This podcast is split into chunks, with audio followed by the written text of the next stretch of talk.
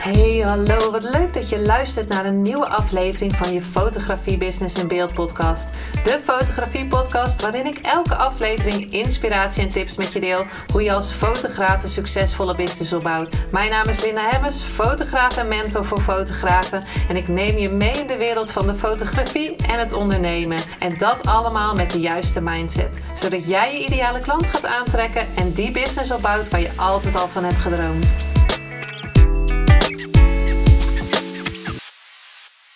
Hey, wat leuk dat je weer luistert naar een nieuwe aflevering van je fotografie business in beeld. En vandaag, ja, vandaag heb ik iemand uh, um, voor mijn interview en dat is wel super grappig, want um, ja, gaan we het over fotografie hebben? I don't know. Ondernemen, misschien.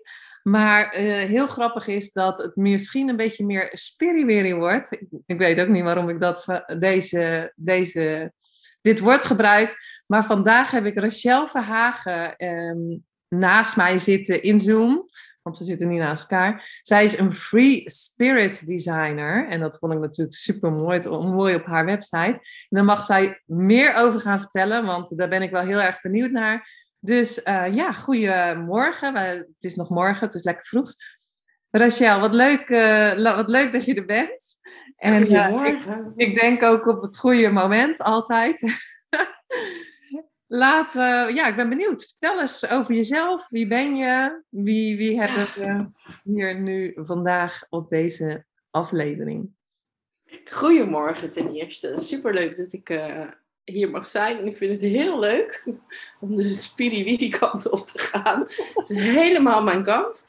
Um, ik ben uh, Rachel Verhagen en ik moet even nadenken hoe oud ik ben. Ik ben 43 jaar, ja. En mama van drie kindjes en ik woon in Middelburg. Ik ben dus ondernemer. Free Spirit Designer is de naam van mijn bedrijf. En uh, ik ben holist, medium, breath instructor en energiewerker. En dat doe ik allemaal hier in mijn eigen kantoor. Wij wonen boven het kantoor waar ik werk. Dus ik werk zeg maar onder mijn uh, woongebeuren. En ja, dat is wat ik doe. En jij wil natuurlijk gelijk weten, waar staat het Free Spirit Designer voor? ik, vind dat een mooi, ik vind een mooi woord. Dus ik dacht gelijk, hmm. Ja, ja, ik vind, ik geloof en ik voel, laat ik het dan zo zeggen, dat wij in deze maatschappij te veel weten en te weinig voelen. En ik denk dat wij te veel doen vanuit dat we denken dat het hoort dat we het zo moeten doen. En niet dat we voelen dat we het zo moeten doen. Dus wat, wat mijn missie hierin echt is, is vrouwen voornamelijk, want dat is echt mijn doelgroep, terugbrengen naar hun gevoel. En dus, waarom doe je iets? Omdat je het voelt. Waarom ga je die, die stap zetten? Omdat je hem voelt. Niet omdat het hoort, maar omdat je het voelt. Nou, dat is dus die free spirit voor mij. Is volledig in overgave leven van, vanuit je intuïtie. Ja, en en waarom specifiek vrouwen? Want mannen kunnen niks voelen. nee, nee, mannen kunnen zeker voelen. Zeker, zeker, zeker weten. Alleen voor mij is mijn doelgroep echt wel vrouw. Omdat ik van oorsprong ben ik intuïtief vrouwencoach. En um, zo is eigenlijk vanuit mijn bedrijf dat ontstaan. En ik moet heel eerlijk zeggen dat ik, dat ik nooit deuren zal sluiten voor niemand. Um, maar ik heb nog nooit een aanvraag van een man gehad, dus wie weet. Nee, en zoals ik elke keer ook in de, in de podcast zeg, het is gewoon goed om een doelgroep te hebben. Hè? Dus dat. Precies. Dat, uh, nee, maar je, je merkt wel dat steeds meer uh, intuïtie naar boven komt. Hè? Dat voelen, dat intuïtie. Ik, ik vind het heel belangrijk voor deze podcast ook, uh, omdat het ook over positieve mindset gaat. Um, ik ben ook steeds meer op mijn intuïtie gaan um, varen, hoe noem je het? En um, ja, het is gewoon magisch. maar, je hoofd ook bij, heerlijk. vertel even, hoe ben je hier zo gekomen? Want je was gelijk... Ben je, heb je dit altijd gedaan? Ja, ik ken je natuurlijk al uh, langer. We hebben elkaar samen een keer uh, een paar mastermind uh, of buddy sessies gedaan. was superleuk.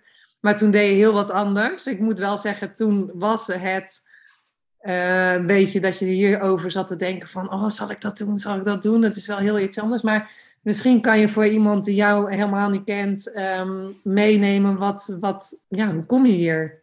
Hoe kom je hier? Ja, hoe kom ik hier? Nou, ik ben helderziend geboren.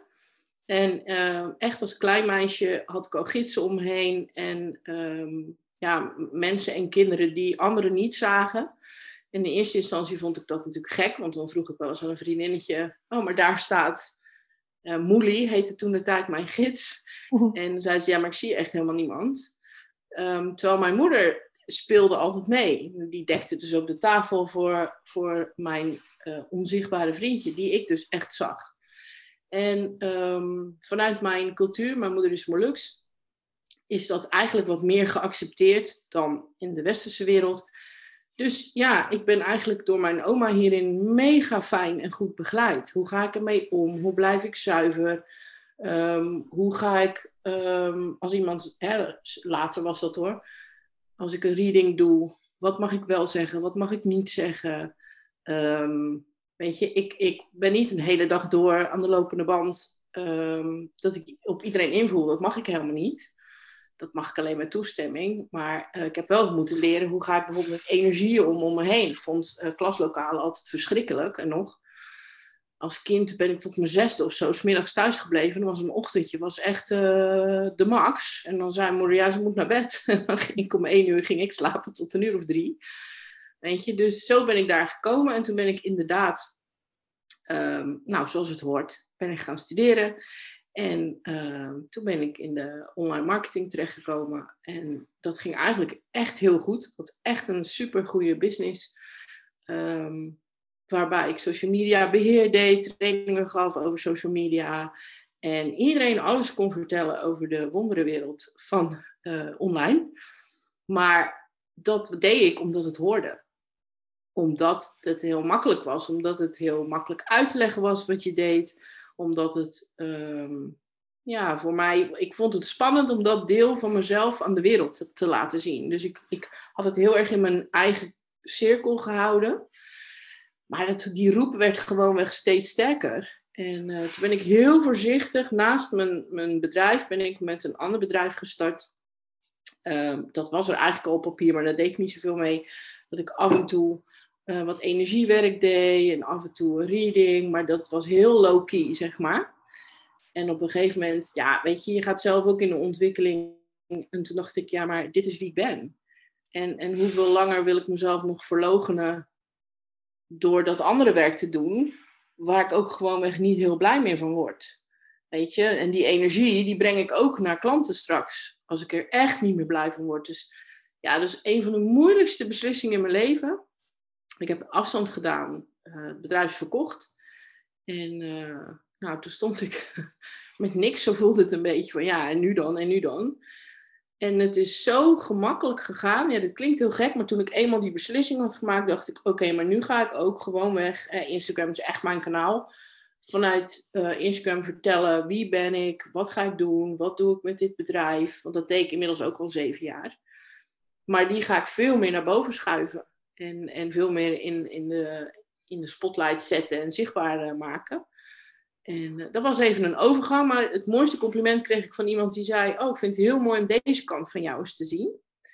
En toen dacht ik: Ja, dit is, dit is de kant, het is mijn kant, dit is wie ik ben. Dus ik, ja, voor mij is het heel makkelijk, gaat het nu. Weet je, overal waar ik over praat, het komt niet uit boeken, dat komt uit mijn eigen wijsheid. Of wat ik van mijn oma heb geleerd. En ik heb vanaf mijn ik denk zo 30 jaar tot nu heb ik een mentor uh, nog steeds. Waar ik drie, vier keer in een jaar naartoe ga. Um, ja, om mezelf zuiver te houden, up-to-date te houden. Om, om te spiegelen. Nou ja, voor alles. Maar het gaat gewoon zoveel makkelijker, ook het ondernemen.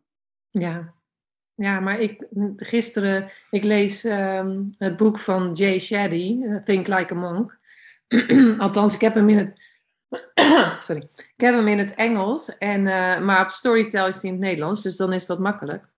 Maar gisteren had hij over je dharma, dus follow your bliss. En ik heb dat ook wel heel lang gehad, dat, uh, uh, dat je denkt van, oh, ik zit tegen die stroom en ik moet op social media posten en dit en dat. En het, het voelde gewoon niet.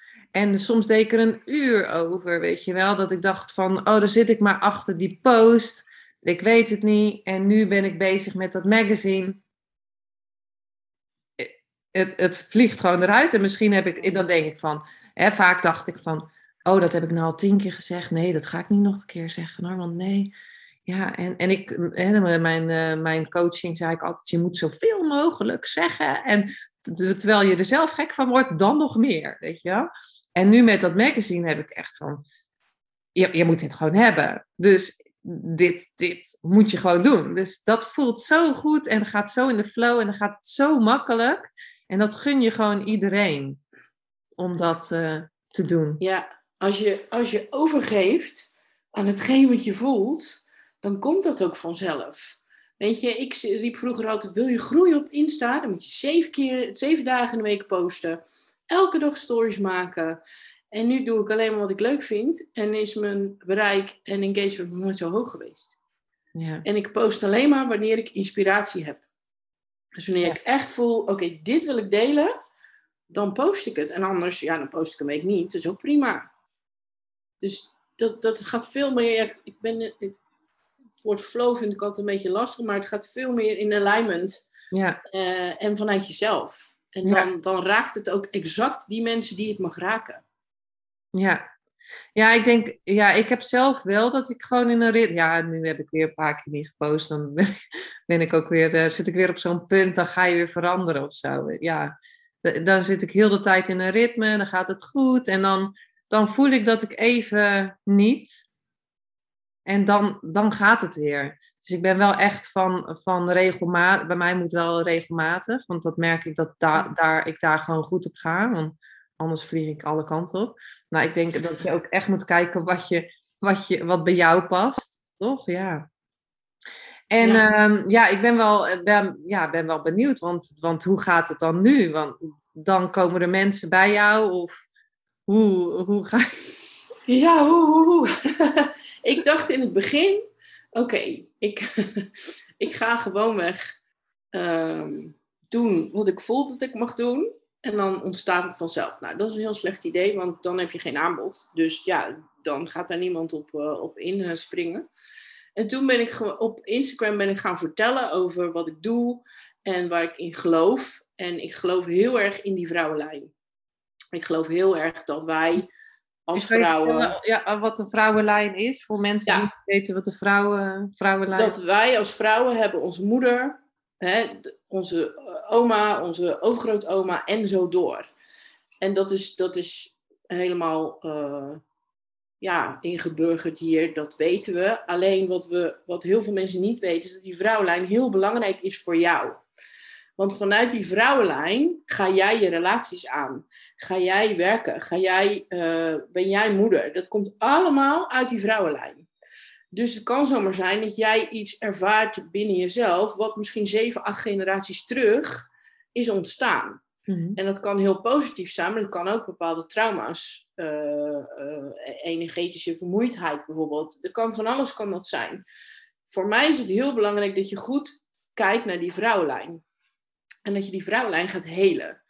Dus dat je gaat kijken, waarbij je ook herkenning uh, krijgt van, oh ja, maar die oma deed dit en, en die overgrootoma, daar had ik dit altijd bij. En nou ja, ik maak dus contact met jouw vrouwenlijn en ik kan heel ver terug, waarbij we gewoonweg samen op reis gaan en gaan kijken van waar mogen we dan stukken helen in jou en dus in jouw vrouwenlijn of andersom in jouw vrouwenlijn en dus in jou. En dat is zo belangrijk, omdat wij als vrouwen nu, en dus een hele gewaagde uitspraak die ik ga doen, ja, ik vergeten zijn wat onze rol is. En ik bedoel niet met rol dat je acteur bent, maar gewoonweg de sensualiteit, de vrouwelijkheid, de, ehm, het omarmen van wie wij zijn en, en onze talenten en onze gaven. Wij zitten heel erg in de masculine energie. Wij moeten onszelf bewijzen. We moeten in deze wereld onze voetstap zetten. En dat zeker, daar ben ik mee eens. Maar ik, vind, ik denk dat onze energie meer in balans mag komen met de vrouwelijke energie. En dat begint allemaal bij het hele van je vrouwlijn. En het toelaten, je moet je, eigenlijk moet je het zo zien dat er allemaal blokjes achter jou staan. Dat zijn dan de moeders, jouw moeders. En als die blokjes natuurlijk niet recht achter elkaar staan, dan stroomt de energie niet door naar jou. Dan zit daar gewoon een blokkade. Nou, en als we die blokkade even, dus niet even, hè, als we die blokkade weghalen, ehm, ja, dan stroomt de energie weer door. Dan voelen we ons veel meer krachtiger ook. En dat gaat dan ook weer door naar onze relaties. Want je kunt wel jezelf. Oh, ik blijf praten, dat is. Je kunt wel jezelf. Um, hè, in persoonlijke ontwikkeling doen we heel veel aan. We zijn heel erg bezig met ehm, het spiegelen van, van onszelf, zelfreflectie, zelfkennis. Nou ja, je weet, iedereen roept het, dus daar zijn we super tof. Maar als je de diepte niet ingaat naar je vrouwenlijn, dan heeft het mijn zinziens weinig nut. Nee, en ik geloof wel, niet dat we nu, ehm, hè, ik, weet niet hoe jij daarin staat, maar dat niet dat de mannen nu ineens minder zijn, want ik geloof dat 50-50 en dat de mannen hebben gewoon hun taak, uh, die zijn natuurlijk gewoon hier voor, om de vrouw, voor de vrouw en de, en, en de vrouw is voor de man. Dus ik denk dat we gewoon 50-50 zijn en dat niet uh, ineens de vrouw nu helemaal woe, hè, op een voetstuk geplaatst moet worden. Want ik denk dat een vrouw heeft een man nodig, een man heeft een vrouw nodig. Of hè, als je ligt eraan wat je natuurlijk, als je van vrouwen houdt, anders. Maar, een mens heeft een mens nodig. Een mens heeft een mens nodig. Maar ja, ik geloof dan wel dat, dat we inderdaad als vrouw veel in die mannelijke energie. We moeten, we moeten, we moeten, we moeten, we moeten. Ik zit toevallig nu een boek te lezen over uh, je vier fases in je cyclus. En um, ja, dat je niet, uh, uh, man wordt wakker met die mannelijke energie, die kan gaan en zo is een, uh, een hele dag hetzelfde. En wij zitten hier in die vier fases en de ene keer denken van nou jongen, ik weet niet wat jij daar doet, maar, maar later. Not today. nou, maar je kunt gewoon samen Weet je, je bedoelt de, de, de herfst, lente, wintercycli van je. Ja. Ja, ja, ja. maar Alex vraagt dat wel eens aan me. Zit je nu in de herfst of zit je in de winter? Welk seizoen leven we? en dan weet ik heel goed wat hij bedoelt. Alleen, ehm, weet je, ja, we hebben niet voor niets een moeder. En, en, en, en laten we wel eens wezen, ook vanuit een man, zijn mannenlijn is heel belangrijk. Want zijn relatie met zijn vader zal altijd de relatie zijn die hij heeft met anderen. Dus, dus het is voor, voor, voor iedereen is het super belangrijk om terug te kijken naar de lijn waar je uitkomt. Want daar mag ook in heel veel gevallen vergeving uh, plaatsvinden. Waardoor je door die vergeving, en ik heb eh, iets met het woord loslaten, want ik geloof niet zo in loslaten, maar dat je vanuit die vergeving uh, verdere stappen kunt nemen. Omdat het dan niet meer zo zwaar op je hangt. Ja, en geloof me, dat, dat werkt. en een vergeving hoef je niet per se in iemands feest te doen. kan heel enige. Ik heb altijd gesprekken. Nou, niet altijd. Ik zie ook gewoon mensen hoor. Oh. maar ik heb altijd energetische gesprekken. Je hebt ook altijd dat je uh, weggaat en dat je denkt: dat had ik moeten zeggen. Nou, dan zeg ik dat gewoon nog. Ja. En, en, geloof me, dat voelt de ander nog.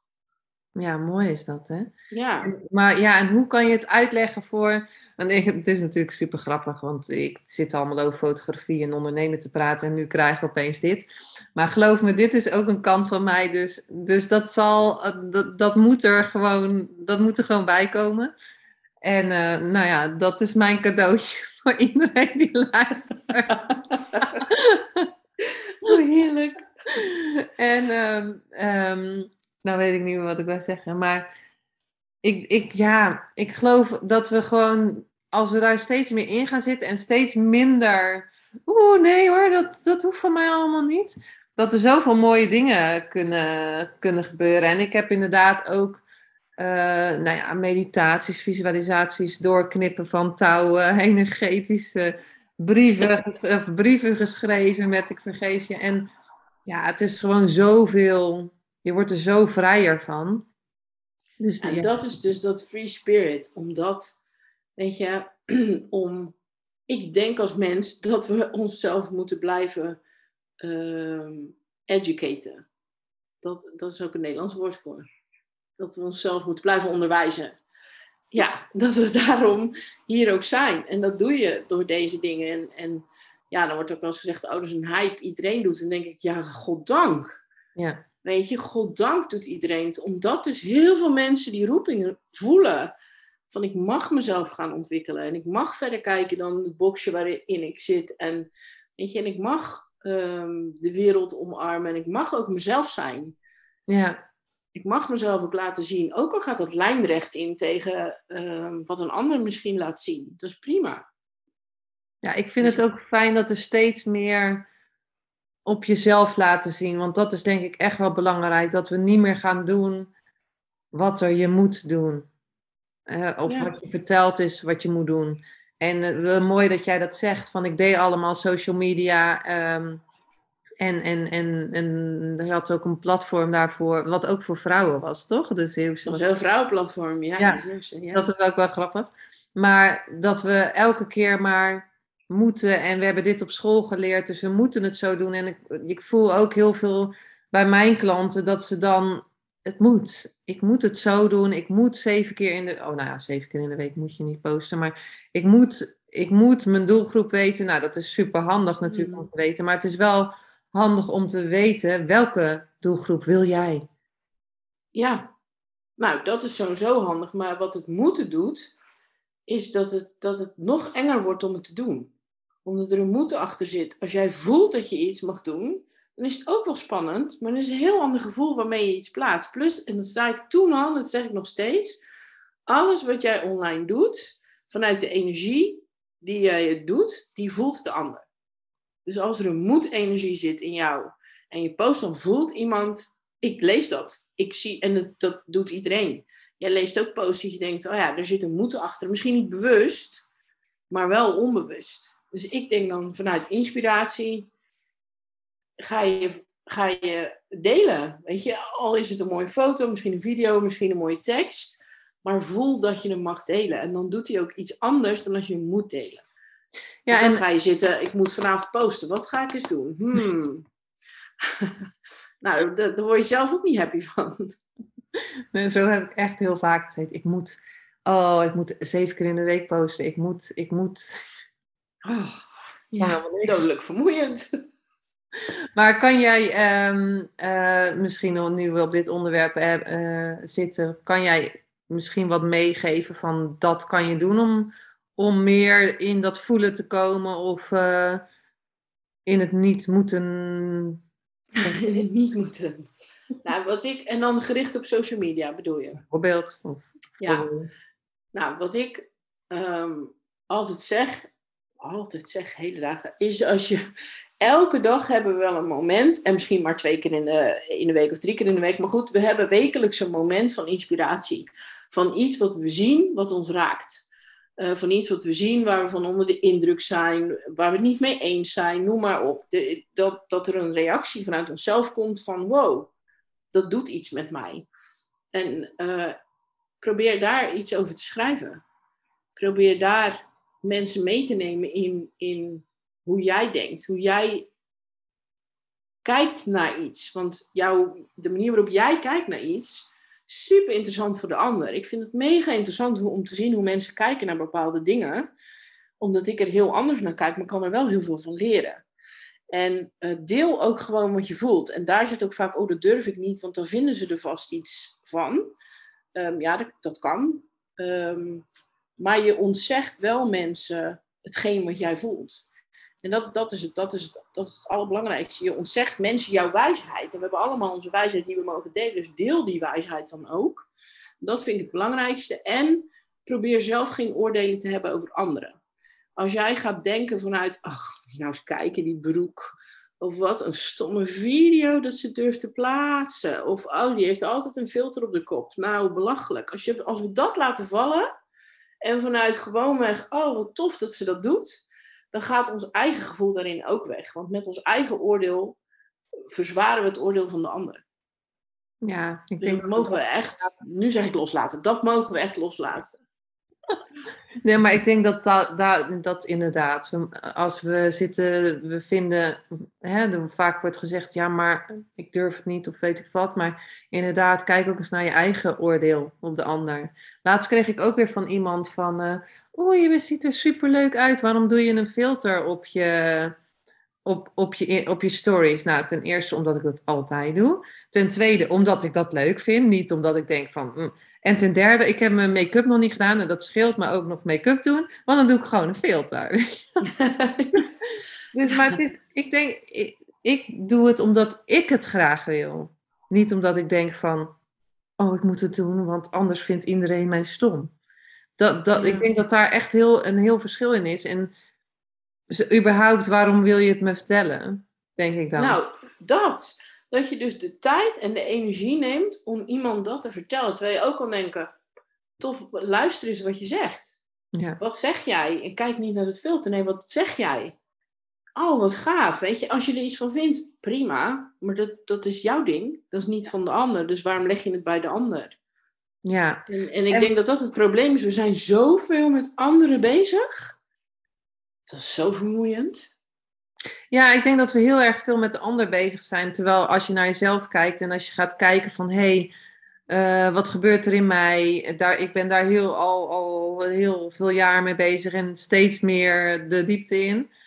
En ja, dan. Ik weet niet, ik vind de wereld gewoon veel mooier. Ja, maar het is ook. Het is gewoon dat je denkt van, oeh, oh, ik word ergens op, op getriggerd. Dan denk ik van, oh, wat zit er in mij? En eigenlijk is, er gewoon geen ander meer. Dat, ja, dat klinkt heel. Nou, dat is helemaal niet egoïstisch, want natuurlijk zijn er ander. Maar ik zal nooit zeggen: Oh, dat komt door die ander. Dat zal je mij nooit horen zeggen. En ik denk dat dat ehm, een staat van hoog bewustzijn is. Dat die staat maakt dat het leven ook gemakkelijk. Kijk, we hebben nog steeds onze dingen in het leven die gewoon kut zijn. die heb ik ook, die hebben we allemaal. Alleen als ik me irriteer aan iemand, dan ga ik naar mezelf. Waarom irriteert het mij? Wat, wat raakt dat dan in mij? Vaak zit er een verlangen onder. Oh, dat zou ik ook wel willen, maar ik durf niet. Of weet je, er zit altijd iets onder. En dan leer je jezelf weer een stukje beter kennen. Waardoor je veel, ja, veel meer hol strakjes zeg maar, in het leven staat. En elke dag weer groeit en leert. En dat lijkt een soort, oh, moet ik elke dag leren? Ik ga liever op de bank hangen en Netflix kijken. Ja, prima. Maar het is niet, ik zit elke dag in de schoolbank. Nee, de wereld is je schoolbank. Weet je? En ja, dat weet jij ook. We worden daar vrijer van. Je wordt daar veel vrijer van als je op die manier kijkt. Plus, ja, ik ben dat oordelen over, de, over die ander ben ik, ben ik ook echt beu. Ook echt online. Dat afzeiken van de ander. Die post die um, de ander naar beneden halen om, om jezelf omhoog te halen. Ja, dat, dat trek ik echt helemaal niet. Doe je dan ook echt jezelf omhoog halen? Nou, nee, niet. Want ik denk dan, oké, ik ontvolg je, want ik heb echt geen zin in, in het, weet je. Content creëren vanuit jezelf vind ik de meest waardevolle content die er is. En het hoeft nooit ten koste gaan, te gaan van de ander. Dat, daar geloof ik gewoon niet in. En als we dat bij onszelf aanpakken en iedereen zou dat doen, nou, dan leven we echt een heel mooie wereld. Ik heb daar een trucje voor en die heb ik mijn kinderen, geef ik die ook elke keer als jij een oordeel hebt, we zijn ook mensen, hè, laten we even wel zijn. Als ik iemand, uh, nou, dat ga ik niet eens over, maar iemand, ik heb ook wel eens gedachten bij bepaalde dingen, laat ik het zo zeggen. en elke keer als ik dat hardop uitspreek of doe in mezelf, dan moet ik iets heel liefs en moois over diegene zeggen en dat ook sturen. Elke keer, dan moeten mijn kinderen ook. Dat is echt een leuke oefening, want dan kom je er eigenlijk achter hoe vaak je op een dag toch nog met een ander bezig bent. Oh, dat vind ik heel stom, denk ik. Hey, er is er weer één. Ja. Dan moet je iets moois zeggen. Ja, nee, maar ja, er is inderdaad ook een oefening dat je dan uh, vijf dingen of zo, eh, als je uh, irriteert aan iemand, dan moet je vijf dingen opschrijven of bedenken van die ander wat je dan wel goed vindt. Want er is altijd iets dat je denkt van, nou, eigenlijk vind ik dat. En dan is er ook helemaal niks meer. Nee. Dat is het gevolg. ja, daarom. Daarom. Ja, het is, zo werkt het. Maar ja, weet je, ik geloof gewoon in content die raakt. En content raakt alleen als die echt vanuit jou komt. Als die echt, weet je, en op wat voor manier schrijft, of je het vanuit schrijven doet, of vanuit beeld, of vanuit video, dat maakt helemaal niet uit. Als het vanuit jou komt, dan is het super waardevol. Dat zijn, dat zijn die posts die, die viral gaan. dat is als iemand zijn hart leegt Ja, en deelt. we zitten nog ook nog te vaak in ons hoofd. Ja, ja. En waar krijg jij inspiratie van? Wat- doe jij om inspiratie? Krijg je, of krijg je gewoon misschien van al- Van alle gidsen om me heen krijg ik inspiratie. Nee, echt van stilte en alleen zijn. Dat is echt wel mijn, mijn, eh, mijn ding. Ik ga bijna dagelijks naar het strand om te zwemmen. We wonen in het mooie Zeeland, dus is Oeh. hier 10 minuten vandaan. Zag ik ook op jouw social media, de media, dacht ik, oh my god, hoe dan? Zo fijn. En dan ga ik echt, want de zee is. Voor mij werkt de zee echt helend, omdat ik zwem en ik vergeet echt alles. Maar dus ik ben ook bezig met waar is een kwal, ik kom ik niet in een fuik terecht, weet je wel. Dus je bent helemaal niet aan het denken wat je normaal gesproken denkt. Dus voor mijn hoofd is het fantastisch. En daarna ga ik op het strand zitten en dan ga ik mediteren of stilte. Eh, dan ga ik gewoon weg in stilte zitten. En eh, dat is voor mij het, het, een van de, ik denk wel de grootste inspiratiebron. Dus echt dat ik daar naartoe ga is al een feestje. Dat ik in de auto stap en heb ik mijn badpak aan onder mijn kleren en dan Weet je wel, dan loop je die duinen over, dan zie je die zee. Ja, dan word ik al heel blij. En die is soms steenkoud hoor. Maar dan duurt het een Mm. half uur voordat ik door ben. Maakt ook niet uit. Als ik er dan eenmaal in lig, ja, denk ik, dit, dit is echt, voor mij is dat echt vrijheid. Is, is eh, in de zee. En dat kan een zwembad niet, eh, niet evenaren. Nee. En dan gewoon daar zitten in stilte. En ik heb van die strandjes in Zeeland, die zijn heel leeg. En die eh, zoek ik heel graag op, want ik hou niet van een strand. Dat doe ik niet op strand waar iedereen zit. Nee. Da- daar haal ik echt mijn inspiratie. De beste ideeën komen als ik daar zit in stilte. En denk ik, oh, ja, nou, En heb je dan een boekje bij je dat het gelijk opschrijft of blijft dat hangen? Nee, dat blijft wel hangen. En ik heb ergens altijd mijn telefoon wel bij. Dus dan spreek ik het even in naar mezelf. Ik heb zo'n appgroep met mezelf. En dan gooi ik het daar even in. En eh, ja. nee, nee, ik heb geen. Dat zou ik misschien moeten doen, een boekje. Dan kan ik mijn telefoon ook thuis laten. Ja. En ga je altijd samen met iemand of ga je ook wel eens alleen? Ja, ik vind de zee dus eng. Dus. Oh, ik ga, ik ga wel eens alleen en ik ga samen. Dus het ligt er een beetje aan. Ik heb een aantal vriendinnen om me heen die dat ook fijn vinden. Dus die hebben dan eh, ineens krijg je een appje morgenochtend zwemmen. En dan liggen we om half zeven in de zee. En eh, dan is die wel koud. Maar ehm, en, en nou, soms s'avonds laat, soms ga ik alleen, soms ga ik met Alex, ehm, mijn man. Soms ga ik met de kinderen. Ik heb een dochter die eh, wil heel graag fotograaf worden. En een zoon trouwens, allebei. Dus die gaan ook wel eens mee met de camera. En dan, eh, mam, je moet zo staan, je moet zo staan. En dat, maar dan is het niet voor inspiratie, is het gewoon leuk. Maar dan nog, als ik in die zee ben, vergeet ik alles. Dan- En hoe, hoe is dat gekomen dat je daar... Oh ja, want ja, hoe kwam je erbij om naar die zee- in die zee te gaan? Of heb je ooit net als Gwendoline die een paar, paar afleveringen geleden was wel eens een ijsbad gedaan? Of, eh? Ik heb wel eens een ijsbad gedaan, dat doe ik wel vaker. En, eh, maar dat is meer voor mijn ademhaling, vind ik dat heel belangrijk. En het is ook wel die koudtraining, gaat natuurlijk ook straks doorwerken als ik in november of in december in de zee lig. In februari is die trouwens op zijn koudst. Maar ik ben in Domburg opgegroeid, een kustplaatsje hier in Zeeland. En ik weet nog dat een vriendin van ons haar eh, zus verloor. Op heel jonge leeftijd, zij overleed in een ongeluk. En dat wij toen na de begrafenis met haar zijn gaan zwemmen. En ehm, ja, weet ik niet, ik, kan me dat gevoel nog gewoon herinneren. Dat we zoveel plezier hadden in, dat, in die zee met de golven en zoveel ja, het verdriet wat er eigenlijk was bij haar tijdelijk hè, even wegspoelde. En we even heel veel plezier hadden. En ik heb dat altijd meegenomen, dat stukje. En ja, wij leefden op het strand in Domburg. Dan, ja, de zomers zijn gewoon het strand. Dan had je bijna geen huis. Dan had je een hokje aan het strand en daar was je gewoon altijd.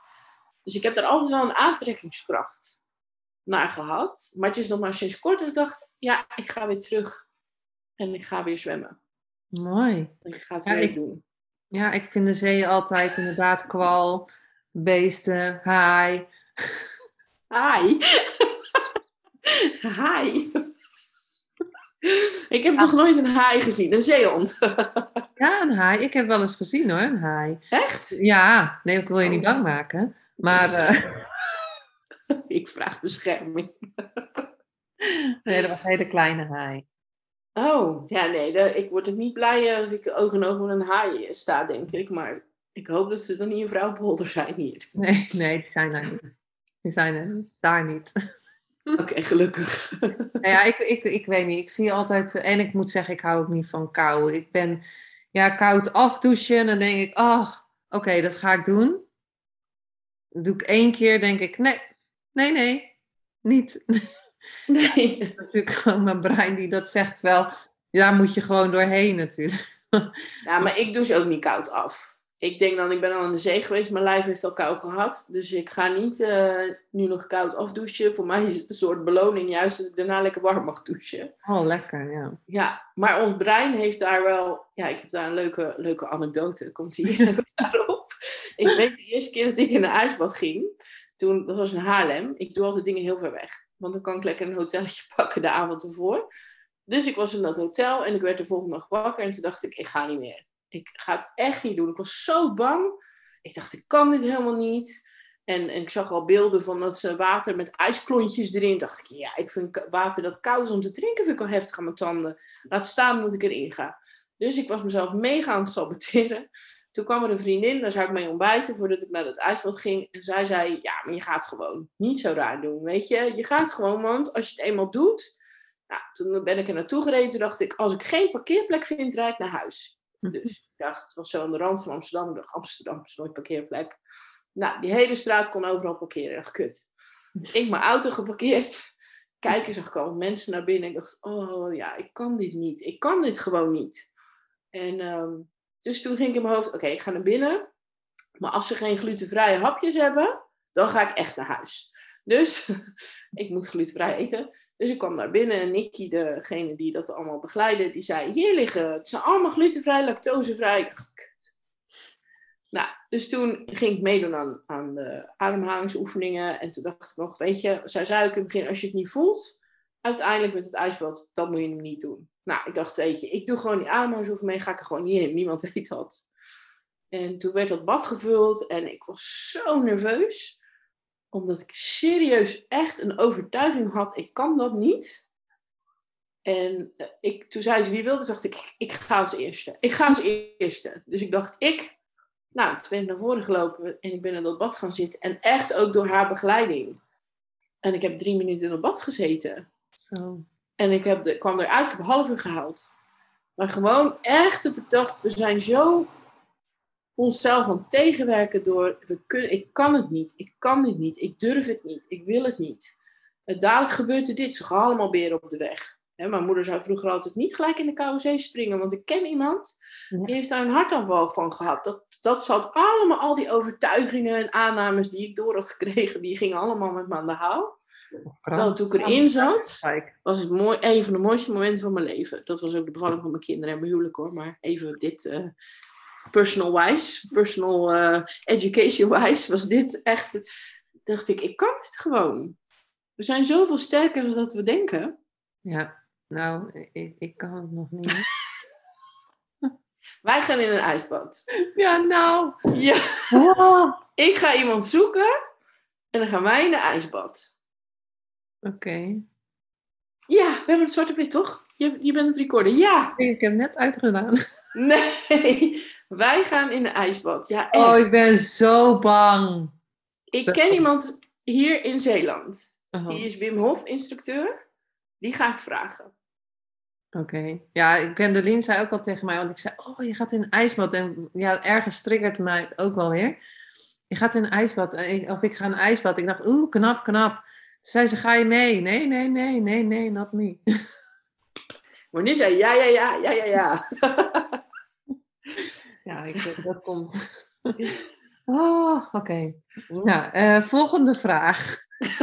Maar je moet niks doen wat je niet voelt. Nee, jawel. Hè? Elke keer komt dat weer naar boven, dus ik denk dat ik gewoon een ijsbad moet. Moet gewoon doen. En eh, hoe zie jij jezelf over eh, ja, vijf jaar bijvoorbeeld? Wat, wat, wat wil je met je business gaan doen? Ja. Ehm, ik ben niet zo'n planner. Ik, ik ben al blij dat ik volgende week weet een beetje wat mijn planning is, zeg maar. Ik, vind het, ik ben echt iemand die met de, met de minuut leeft. Dus ik vind het ook lastig om een agenda te hebben waarin afspraken met klanten, wat logisch is, hè, want ga niet zeggen vandaag bel ik op die vandaag mag komen. Zo werkt het niet. Dus iedereen wil plannen. Dat vind ik heel lastig. Dat doe ik wel. Maar als ik mezelf over vijf jaar zie, dan woon ik niet meer in Nederland. Hmm. Dan eh, woon ik ergens eh, aan de zee, hoop ik wel. eh, op, een, ehm, op een eiland in een heel mooi huis. En ehm, ja, waarbij mijn gezin af en aan komen, die zijn dan ook al groot. Dus die, die weet je, dat, dat we gewoon mooie vakanties hebben en weekenden met z'n allen. En dat ik daar meer zit en Alex ook een beetje heen en weer tussen zijn werk. Dat eigenlijk de afstand, zoals we die nu zien, er niet meer is. Daar, ehm, dat hoop ik. Wat ik dan doe, is denk ik nog steeds hetzelfde als wat ik nu doe, maar dan voor grotere groepen. Dat ik, dat ik vrouwen echt leer eh, en begeleid en inspireer tot het hele van hun vrouwenlijn. Ehm, en het volledig omarmen van ja, echt wie ze zijn, vanuit de kern wie ze zijn. En ook het ontwikkelen van hun intuïtieve gaven. Want die hebben we niet voor niks gekregen. En, En die, mogen we in, op alle vlakken van ons leven inzetten. en, en zit daar ook een podium bij? Of eh, ga je dan... eh, Ja, dat, dat denk ik wel. Ik heb wel veel over andere onderwerpen trouwens op podia gestaan, maar die, ik voelde dat onderwerp dan minder. Dat was natuurlijk dat hele social media gebeuren was heel tof trouwens. Ik heb gewoon vlieguren kunnen maken. Maar ik weet als ik op dit onderwerp, wat ik zo voel vanuit echt mijn, mijn hele ziel en zaligheid, dat het een heel andere manier is waarop ik dat podium op ga. Ehm, dat is niet met kennis, dat is gewoon met voelen en, en, en overbrengen wat ik over mag brengen vanuit mezelf, maar ook vanuit de dingen die ik doorkrijg. Ehm, ik krijg heel veel tekst altijd door, heel veel woorden altijd door. Eh, die heb ik nu allemaal, schrijf die op. En sommige dingen deel ik wel, sommige dingen deel ik niet. Ik wil er ook naartoe dat ik eigenlijk dagelijks gewoon hetgeen wat ik intuïtief schrijf, de wereld ingooi. En als het er maar één die het raakt en ermee geholpen is, dan, eh, ja, dan word ik daar al blij van. Dus ik denk wel dat ik eh, ooit nog eens op een podium sta, ja. ja, ik wou zeggen, ik zie een podium. Ja, ja dat, je bent al de derde die dat zegt. En eh, ik zie dat zelf ook, maar dat is denk ik mijn ijsbad. Mhm. Ik denk dan dat, dan ga ik ook zo... Oké, oké. Ja, want eh, vorige week zag ik je natuurlijk bij het event Hart voor Design. Ja. En ja, deed je natuurlijk alles aan elkaar eh, spreken. Hoe noem je zo iemand? Een, een- Dagvoorzitter. ja, ik een stom woord, dag Ja, ik ook. alles aan elkaar spreken. Maar die ehm dagvoorzitter, ja. Maar ja, ik vind dat altijd zo leuk. Als ik jou dan, dat, je doet dat superleuk. Dus ehm, ja. Ik vind dat dus ook leuk. En dan gaat het vanuit... Gewoon vanuit hoe het mag gaan, weet je. Dan ben ik heel nerveus van tevoren. En als ik eenmaal sta, denk ik, oké. Weet je, dan... Het is zoals het is. Dus... Ja.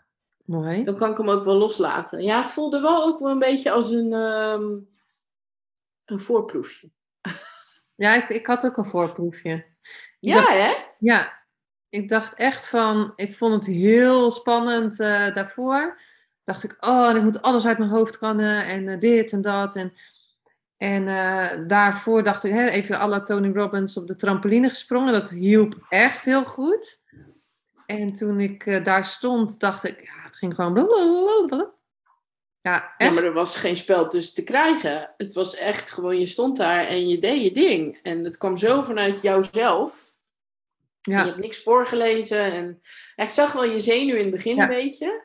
ja, Maar eh, nee, die zag je echt niet meer toen je op het podium stond. nee. Nee, dus dat was, eh, toen dacht ik later van, "Pff, ik heb het gedaan. Maar toen later dacht ik ook van, hmm, dit smaakt niet meer.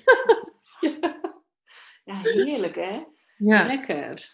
ja en eh, heb je nog eh, hoe, hoe, ja, een paar dingen die je gedaan hebt? Eh, Hè, je hebt zo'n ijsbad gedaan. Zijn er nog andere dingen die je gedaan hebt voor je persoonlijke ontwikkeling? Die, eh, Mm, ik, ik moet, ga ik weer een bold uitspraak doen, maar hm? ik geloof, ik geloof zeker in mentoren en begeleiders op je pad die je, die je, die je ehm, kunnen begeleiden in het ontwikkelen. Maar alle kennis zit al in ons.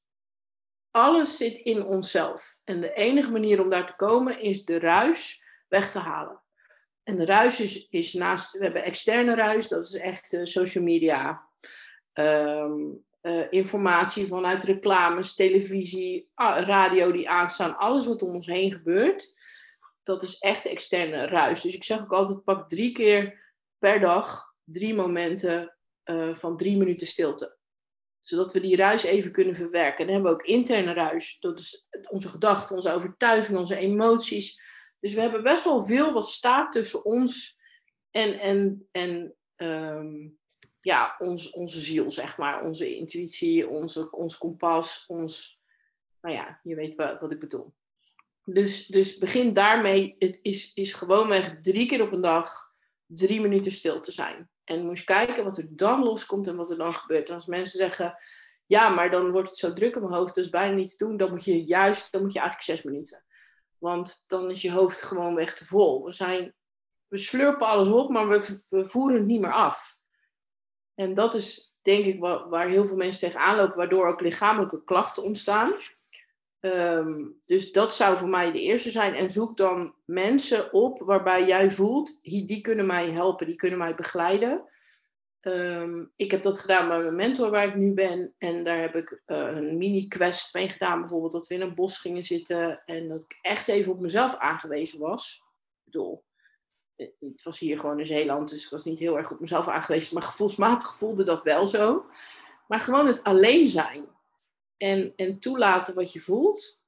En iemand die je begeleidt, die, die, het, ja, die dat op een zuivere manier doet. Dat, dat, uh, dat is heel belangrijk. Ja, wat heb ik nog meer gedaan? Ik lees uh, denk ik 100, tussen de 100 en 150 boeken soms in een jaar. Oh. En uh, ik lees elke dag echt heel veel. En ik, ik uh, doe dagelijks cacao-ceremonie zelf. Ik doe dagelijks mediteren, anderhalf uur per dag, denk ik.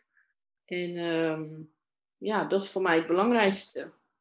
Maar weet je, als jij, dat, als jij jezelf laat begeleiden op een, op een pad, op een deel van je pad, hè, prima. Maar dan mag dat echt vanuit je gevoel komen. Voel ik dat diegene. Uh, je voelt het ook een ja. Weet je, ik had. Um, heel veel mensen zie ik ook roepen: je moet investeren. En, en prima, ik geloof ook echt wel dat we mogen investeren in onszelf. Maar ik geloof ook dat we voelen aan wie we dat, aan wie we, bij wie we dat doen. Ja. En ik kan heel vaak denken, oh nee, oh, dat is wel heel veel geld. Oh nee, oeh, oeh, nee, oeh, spannend. En dat. Terwijl een paar weken geleden kwam er iemand voorbij die mij ging helpen met mijn website. En ik voelde direct een ja. Ik heb niet eens gevraagd. Later hoorde ik pas dat hij vroeg. Omdat ik zo voelde, dit is een ja. Dus weet je, dat is het allerbelangrijkste. Als je die persoonlijke ontwikkeling, dat pad, voel. Ga naar je eigen wijsheid door je, door je af te sluiten van de ruis. En, en daarbij voel wie jou kan helpen en wie jou mag begeleiden tijdelijk. Ga niet ja. uh, random honderd cursussen doen die je ziet. Nee. Nee, heb je er ook wat aan? En doe je ze ook? Dat is ook nog de vraag. Dat. Heel veel cursussen. Maar, want er zijn, ik denk ook best wel veel mensen die denken van inderdaad drie minuten. Uh, hoe moet ik dat doen? Weet je, drie minuten stil zijn. Ja, ik doe het drie keer tien minuten al, drie keer een kwartier. Maar het is zo nodig. Wij mensen hebben ongeveer 50, 60.000 gedachten per dag. Per dag. Um, dat is echt heel veel. En daarbij krijgen, nou, ga maar eens een uur scrollen op Instagram. Weet je wat je dan binnenkrijgt? Aan energie, aan licht, aan informatie, aan, weet je, we, uh, we praten met vriendinnen aan een tafel. Dus allemaal wat we ons tot ons nemen aan ruis. De enige manier om, om dat af te um, dragen en, en, en te verwijderen van ons lichaam, waardoor het ons niet in de weg gaat staan, is de stilte. Ja. ja. Kan het niet mooier maken dan het is. En niet uh, met muziek in je hoofd. Of niet uh, in stilte een boek lezen, want dan is je brein nog steeds bezig. Met muziek je gaat je brein beelden creëren van de muziek. En die gaat mee op de muziek. En dan denk je, oh, dat is ook leuk. En dan zie je dat. En en als je een boek leest, ben je nog steeds de informatie aan het verwerken vanuit het boek. Ja. Gewoon zitten, ogen dicht en even drie minuten niks. Nee, en het ook, ook uh, doorgaan. Hè? Niet bijvoorbeeld 90 dagen eens doen, kijken wat er dan gebeurt. Hoe lang je dan kan zitten, hoe snel je in die stilte komt. Want ik had het ook, de, zei laatst iemand van, ik dacht ik van, ik ga wandelen en ondertussen ga ik dan een podcast luisteren. Want ja, dan heb ik dat maar allebei gedaan. En toen hoorde ik iemand zeggen: ga nou eens wandelen zonder die podcast. Ga nou eens wandelen en ga nou eens kijken wat je onderweg allemaal ziet. Hè, die stilte, dat je, dat je niet allemaal nog, ik moet alles tegelijk doen, want dan geniet je niet van de natuur. Nee. Dus nee, denk... en dat, dat is ook weer een moeten, want we zien anderen ook wandelen met podcasts. En snap je dat we, we denken ook, oh, misschien moet ik dan ook zo, uh, dat doet ook iets met ons, hetgeen wat we zien. Maar we hebben echt stilte nodig. En je hoeft niet uh, in de kleermaker zitten op je yogamatje uh, te gaan zitten. Dat zeg ik niet. Je kan gewoon op je bank zitten. Of op een stoel. Of je kan buiten in het gras gaan liggen. Maar die stilte zorgt voor ruimte. Ja. En als je geen inspiratie hebt, ga maar eerst eens drie minuten stilte en kijk dan eens wat er gebeurt. Ja, zeker. Ja, zeker. Als ik stil ben, dan vloekt er ineens iets op. Dan denk ik, oh ja, leuk. Kan ik gebruiken. Nou, dat. Dus ja, weet je, en ik, ben, ik vind social media fantastisch. Maar ik zie ook wel wat het brengt aan ruis voor, voor, ons, voor ons aandachtspannen en uh, ja, voor ons als mens. Ja, en heb je als laatste heb je nog iets wat je iedereen kan meegeven ehm, als die luistert van uh, dit, dit is voor mijn podcastluisteraar? wat ga ik meegeven? Nou, wat, wat, ik wel echt mee wil geven is, de, en dan blijf, kom ik op even op terug, is die stilte. Voordat je een post gaat schrijven, voordat je um, iets gaat doen of delen, ga eerst eens even de stilte in met je ogen dicht, het liefst. Want anders ben je nog aan het waarnemen om je heen en sla je die informatie op. Maar uh, omarm die stilte wat meer. Zowel in je bedrijf als in je content, als als mens omdat die stilte is magisch. En die, die creëert rust en die creëert ruimte. En die verwerkt. En ehm, zie dat ook zo, dat je een hele dag bezig bent met het observeren van informatie. Alleen jou, dat, dat, je kan het niet constant allemaal hebben. Dus er moet een manier zijn dat je het ook kunt kwijtraken. Dat je het ook kunt loslaten. Um, want anders gaat het zich manifesteren in lichamelijke klachten. Veel hoofdpijnklachten komen daar ook vandaan. Um, dus omarm die stilte. En wat is nou drie wat is negen minuten nou op een dag? Nee. In plaats van anderhalf uur scrollen op Insta doe je dat nu iets minder. En die, ga je die laatste tien minuten ga je de stilte in. Ja, Want dan kom je ook jezelf tegen. Dat hoor ik ook heel vaak. Ja, ik heb daar geen tijd voor om dat te doen. En dan vraag ik ook van hoeveel tijd doe je televisie kijken? Hoeveel tijd doe je op social media scrollen? Dat is een paar uur van je dag. Ja, en gooi die televisie er alsjeblieft uit. Oh, sorry. is niet zo populair ook dit, maar ik, ik heb zo'n hekel aan politiek. Aan de politiek ook. Nee. Daar hadden we het over voor deze podcast. nee, aan televisie. Echt, denk ik, gooi hem eruit. Ja. Weet je, ga gewoon. Ik, vroeger was de televisie gewoon uit. Dan ging je op de bank zitten en dan moest je een gesprek voeren. En nu nee. zitten we allemaal een soort voor die televisie te hangen. Ja. ja dat, dat is geen ontspanning, hè? Dat denken we, maar dat is het niet. Nee, want je ziet allemaal beelden en, en lichten en, en wat er gezegd wordt. En zeker, ja.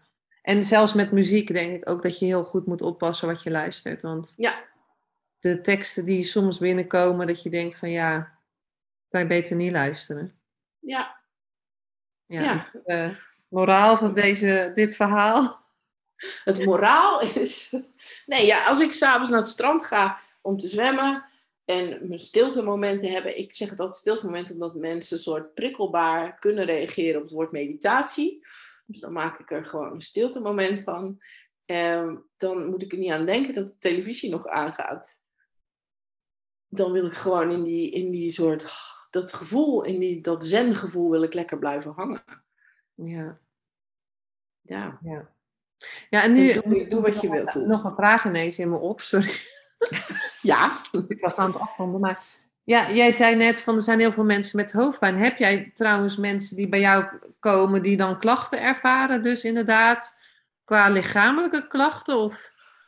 Ja, kijk, ik ben, daar ben ik altijd voorzichtig mee. Ik ben geen uh, dokter natuurlijk. En uh, ik werk heel veel nauw ook samen met diverse therapeuten. Waarbij ik, als ik echt op een trauma stuit, ehm, of ervaren of voel dat ik daar niks aan kan doen of iets mee kan of kan begeleiden, dan, dan zijn er altijd mensen waar ik naar doorstuur en naar doorverwijs, altijd in overleg. Iedereen heeft zijn expertise namelijk. Ehm, dus ik zal nooit zeggen dat ik lichamelijke klachten kan oplossen. Alleen ik geloof zelf in het zelfhelend vermogen van ons lichaam. Dus ik geloof dat wij lichamelijke klachten wel kunnen aanpakken zelf. En ik, ik, ik ehm, ja, daar ben ik echt wel een voorstander van. Ik geloof ook dat bepaalde klachten komen omdat we juist de stilte momenten niet nemen. Omdat we zoveel ruis hebben in ons leven. Dus het kan zijn dat als jij de stilte gaat omarmen, dat jij uh, minder hoofdpijn ervaart. Dat kan zeker. Maar dat is, een, dat is een gevolg. Dat is dus niet wat ik doe. Ik probeer jou te leren die stilte te omarmen en, en te begeleiden tijdens de, wat er gebeurt. Het geschreeuw kan ontstaan in je hoofd gedurende die stilte. Maar wat ik wel echt geloof is dat alles wat wij lichamelijk meemaken, dat dat ontstaat vanuit emotie en, en um, ja, dat niet zomaar iets is. Dus als ik eh, een paar weken geleden heb ik mijn kuitspiertje een, gescheurd. En uh, spiertje zeg ik, zo schattig. Mijn kuitspier gescheurd. Nou, en toen ehm, ben ik naar de fysio gegaan en toen zei ik, ik wil graag drie weken eerst zelf ermee aan de slag, energetisch. En dan, ah, ik het inmiddels, dus ik kijk er niet van op. Dan kom ik terug, als dat dan niet over is. En toen ben ik echt gaan onderzoeken van wat zit er nou onder waardoor dat is ontstaan. Ja, en dat is voor heel veel mensen best wel een, uh, iets vaags en, en niet altijd iets wat ze willen aankijken, maar daar geloof ik dus wel echt in. En bij mij was het echt vertrouwen. Ik, ik vond het heel lastig om op um, bepaalde mensen te vertrouwen. Terwijl ik dat wel voelde, maar ik ben iemand die heel erg op zichzelf staat. Heel zelfstandig en onafhankelijk. Dus nou, daar mocht ik doorheen, waardoor ik wel daarna merkte, hé, hey, mijn kuit wordt steeds minder. Weet je, dus als jij iets vindt, uh, ik heb ook heel veel hoofdpijn gehad, ben ik ook ingedoken, hé, hey, wat is dat nou? En door de stilte is mijn hoofdpijn echt weggegaan, zelfs migraine. Ja, dat ik... ik heb heel veel schouderklachten gehad. Toen was ik ook bij uh, een masseur, bij Bianca. Ja, ja. Echt niet echt een masseur. Maar die zei van, Linda, wat draag je allemaal op je schouders? En de, die, die, die dingen of die zinnen zijn er natuurlijk niet voor niks. Wat draag je op je schouders? Wat heb je op je lever? Ja. Wat moet je uitscheiden? Ja, sorry. Ja, maar, ja. moet je uitscheiden. ja. Ja.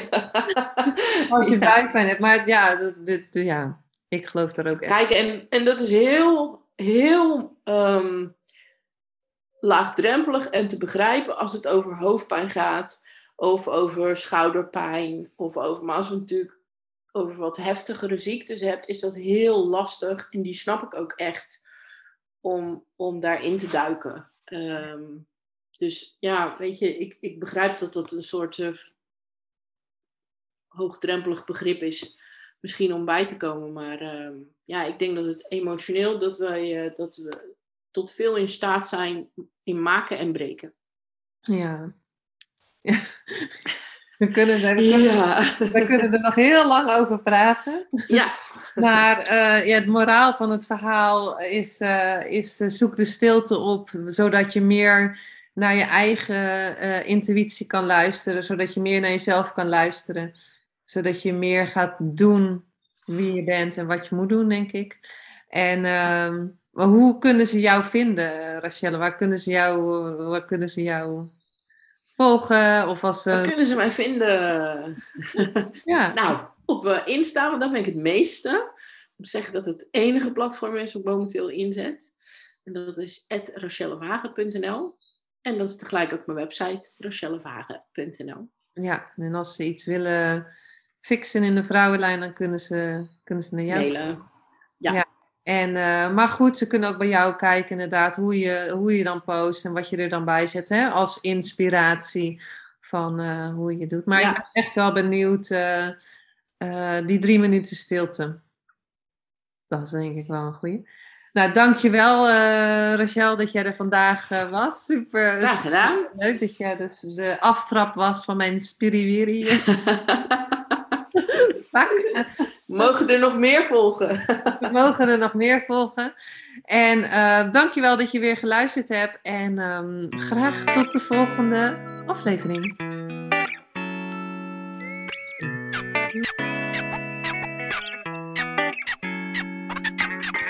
Superleuk en dankjewel dat je weer luisterde naar een aflevering van je Fotografie Business in Beeld podcast. Vond je deze aflevering interessant?